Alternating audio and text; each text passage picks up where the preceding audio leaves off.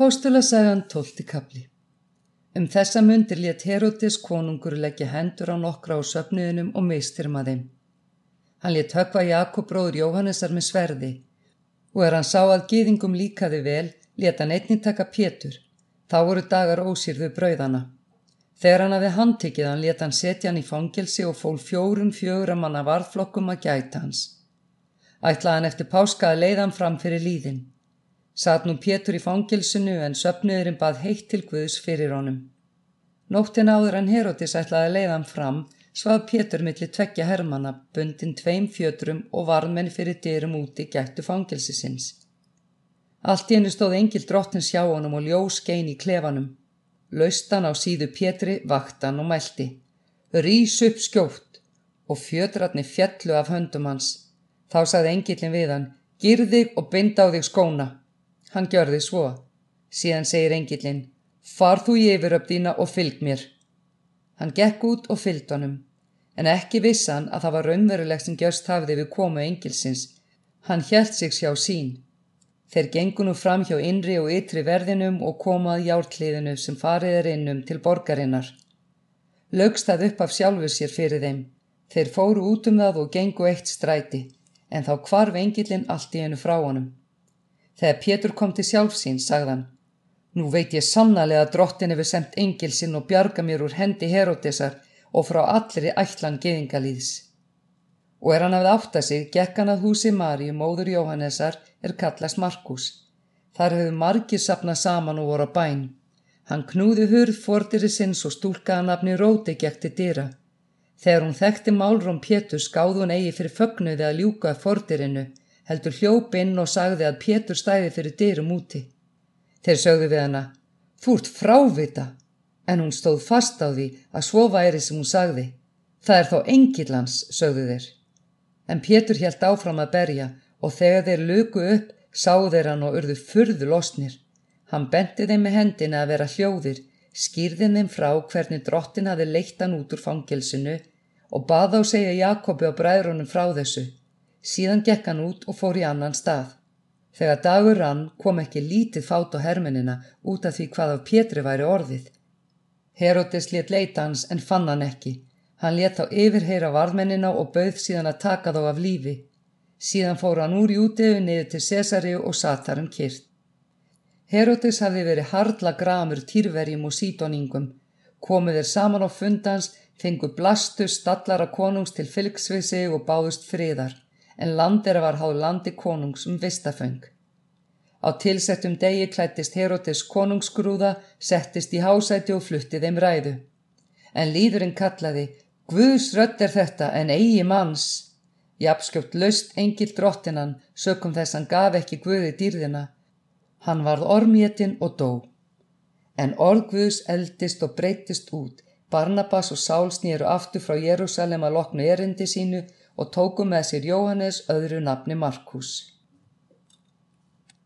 Postulasagan 13. kapli Í söfniðinum í Antiochíu voru spámenn og kennarar. Þar voru þeir Barnabas, Simeon nefndur Níker, Lúkíus frá Kýrinni, Mananen, samfóstri Herodesar fjórðumstjóra og Sál. Eitt sinn er þeir voru að þjóna drottni og föstuðu, sagði heila á randi. Skiljið frá mér til handa þá Barnabas og Sál til þess verk sem ég hef kallað á til. Síðan föstuðu þeir og báðust fyrir, lögðu hendur yfir þá og letu þá fara. Þeir fóru nú sendir af heilugum anda til Selefkíu og sildu þaðan til Kýpur. Þegar þeir voru komnið til Salamis bóðuðu þeir orðgvöðs í samkunduhúsum geðinga. Höfðu þeir og Jóhannes til aðstóðar. Þeir fóru um alla eina allt til Pafos Þar fundu þeir töframann okkurn og falsmamann, gýðing er hétt bar Jésús. Hann var hjá landstjóranu Sergiusi Páli, hygnu manni sem hafði bóðað þá Barnabas og Sál á fund sinn og fýsti að heyra Guðs orð. Gegn þeim stóð Elímas töframadurinn en svo er nafn hans útlagt. Reyndan að gjöra landstjóran frákverfan trúni.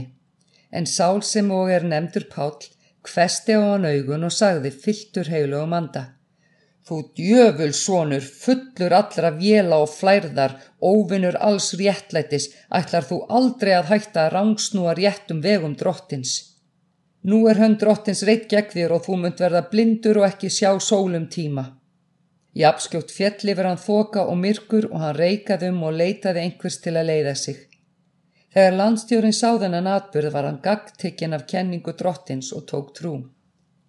Þeir pátt lögðu út frá Pafos og komu til Perge í Pamifilíu en Jóhannes skildi við það og snýri aftur til Jérúsalem. Sjálfur heldu þeir áfram til Perge og komu til Antiochíu í Pisidíu. Gengu á kvíldardegi inn í samkunduhúsið og settust.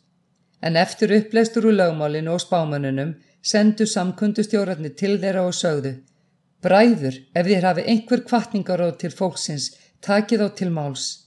Þá stóð Páll upp og benti til hljóðus með hendinni og sagði Ísraelsmenn og aðrir þér sem óttis Guð, hlýðið á. Guð lýst þessa Ísraels útvaldi feður vora og hóf upp líðin í útlegðin í Egiptalandi. Með uppliftum armi leitt hann þá út þaðan og um fjörti ára skeið fóstraði hann þá í eigðimörkinni. Hann stökti burt sjö þjóðum úr Kananslandi og gaf þeim land þeirra til eignar. Svo stóðum 450 ára skeið. Eftir þetta gaf hann þeim dómara allt til Samuel Spámans, síðan báðu þeir um konung og Guð gaf þeim Sál Kísson, mann af Benjamin sætt. Hann ríkti í 40 ár.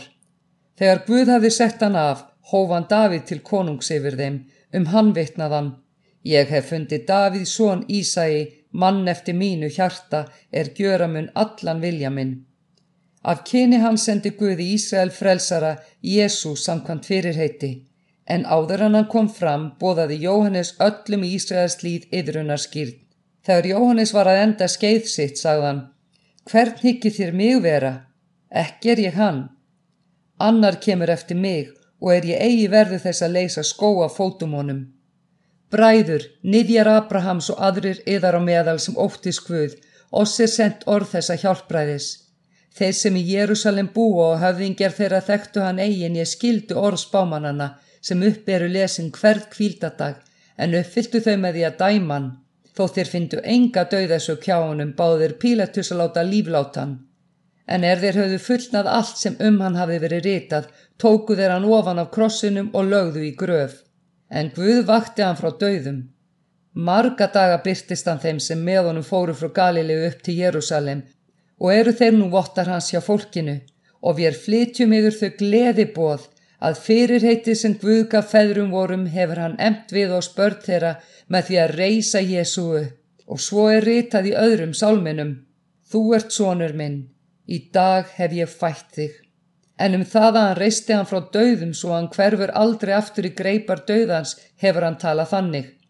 Íður minn ég veita heilögu, óbrigðulu fyrirheitin sem Davíð voru gefin.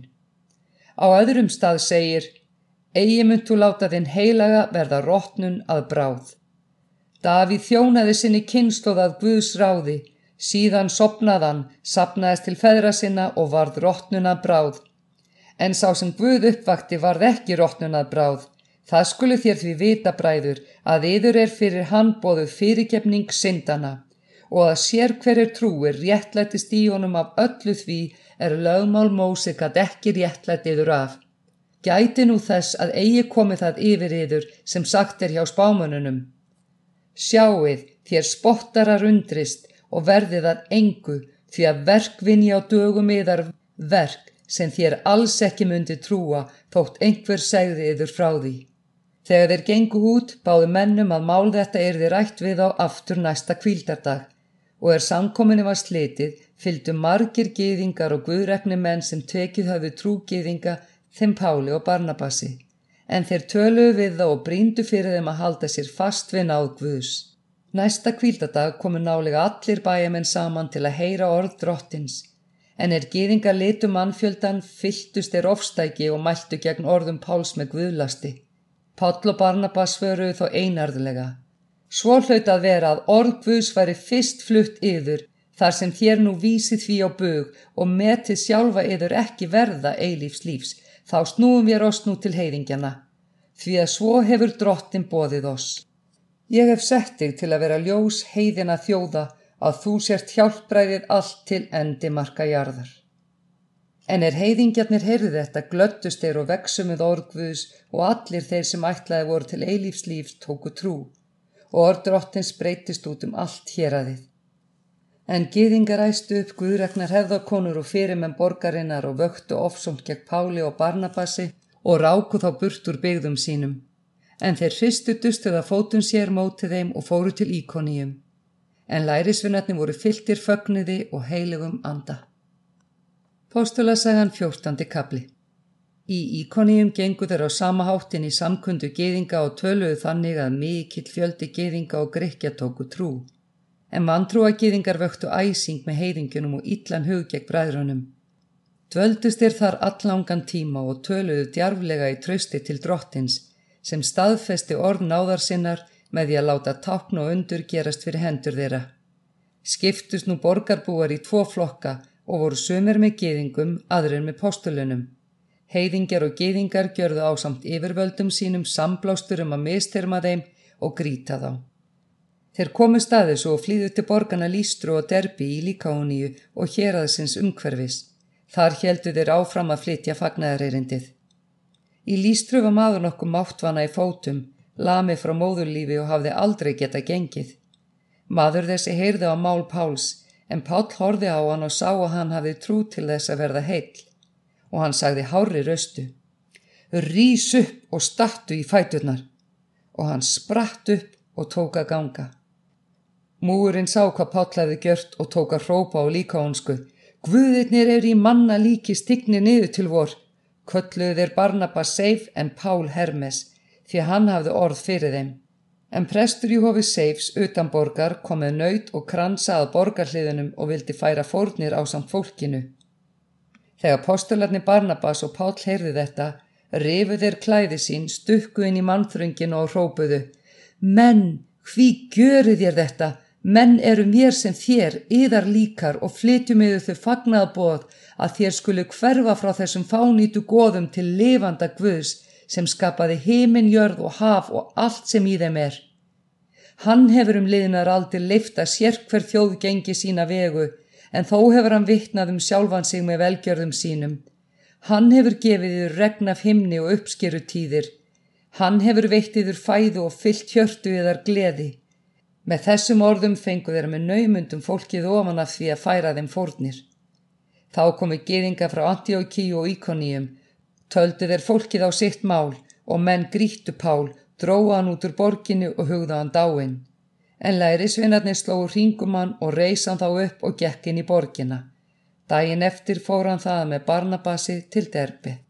Þegar þeir hafðu búið að fagnæðurindi í þeirri borg og gjört margað lærisvinnum, snýruður aftur til Ístru, Íkoníum og Antjókíu, styrtu lærisveinana og kvöttu þá til að vera staðfastir í trúni.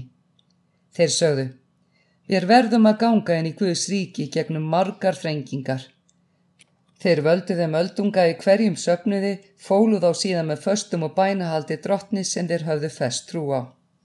Þá fóruð þeir um Pisidíu og komu til Pamfíliu, Þeir fluttu orðið í Perge, fóru til Attalíu og sildu þaðan til Antíókíu en þar höfðu verið faldir náðgvust til þess verk sem þeir höfðu nú fullnað. Þegar voru þangað komni stemdu þeir saman söpniðunum og greindu frá hversu mikið Guð hafi látið þá gjöra og hann hefði upplokið dyrum trúarinnar fyrir heiðingum. Dvöldust þeir nú allengi hjá lærisveinunum.